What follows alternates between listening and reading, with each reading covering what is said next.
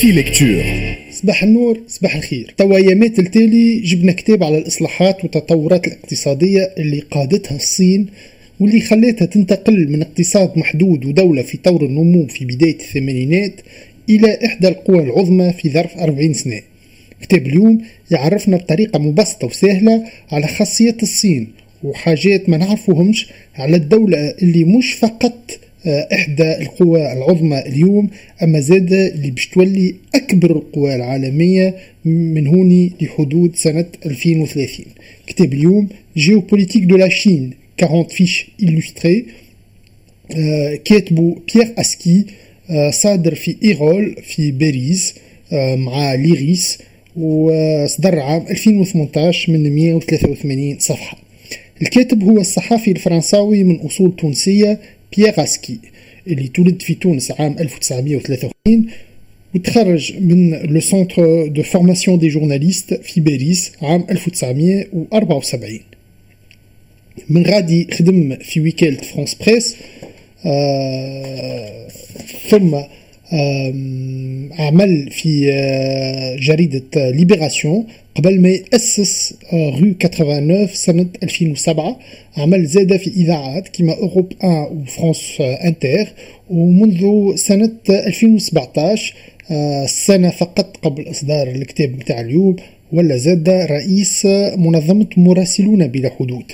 وخلال قرابة الخمسين سنة صحافة نجم يخدم مراسل من إفريقيا الجنوبية والقدس وبكين وين تعرف خلال خمس سنين مدة إقامته على الصين من قرب وكان يصدر blog في بداية الألفينات بعنوان Mon journal de Chine في كتاب اليوم Géopolitique de Chine بيير أسكي يتعرض للاستراتيجية الصينية في الميادين آه، السياسية والاقتصادية وكيفاش النظام الصيني قاعد يتحول تدريجيا وعلاقة الصين بباقي دول العالم.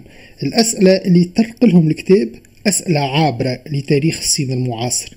تتكرر على امتداده وتعاود تبرز وتخرج كل ما الأحداث والأخبار والأضواء تتركز على الصين.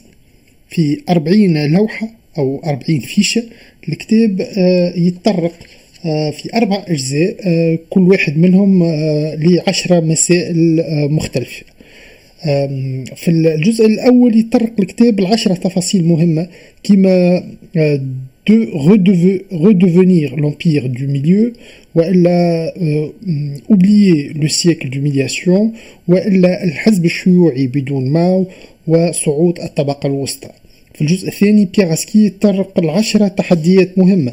كما مسألة البيئة والمحيط تغيير المنوال الاقتصادي في الصين وإلا مشكلتي هونغ كونغ وتايوان. في الجزء الثالث الكاتب يتعرض لعشرة رهانات آه، جغرة سياسية جيوبوليتيك الدور العالمي للصين المواجهات في بحر الصين العلاقة مع العملاق المجاور اللي هو الهند والحانة الساعة آه، للصين الإفريقية لا شين أفريك. ثم في الجزء الرابع والأخير يطرق الكاتب العشرة آليات رئيسية les leviers d'action كما le consensus توافق بكين طريق الحرير الجديدة والانتقال من القوة الناعمة soft power إلى القوة الدقيقة الماضية sharp power. والمعركة الإعلامية والاتصالية اللي تخوض فيها ولازم تخوضها الصين. الكتاب تنشر مع بداية آه، عهد الرئيس الأمريكي ترامب ويوري فيه الكاتب بمعرفته الدقيقة للصين أن القرن 21 ينجم يكون القرن الصيني كما كان القرن 20 القرن الأمريكاني والقرون 18 و 19 القرون الأوروبية.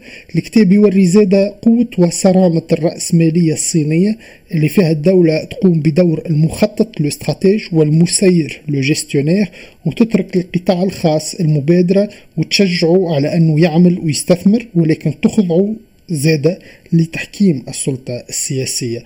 الكتاب مرجح ومهم يفهمنا 40 نقطة نعرفوها أو ما نعرفوهاش بالدقة هذه على الصين باش نفهموا العالم والقوة العظمى الجديدة اللي قاعدة تتولد قدامنا ولربما باش ننقلوا ونستوحى من تجارب بعاد علينا ثقافيا وجغرافيا ولكنهم تجارب أيضا عنا ما نشوفوا فيهم آه، كما التجارب الأوروبية اللي مستانسين بها.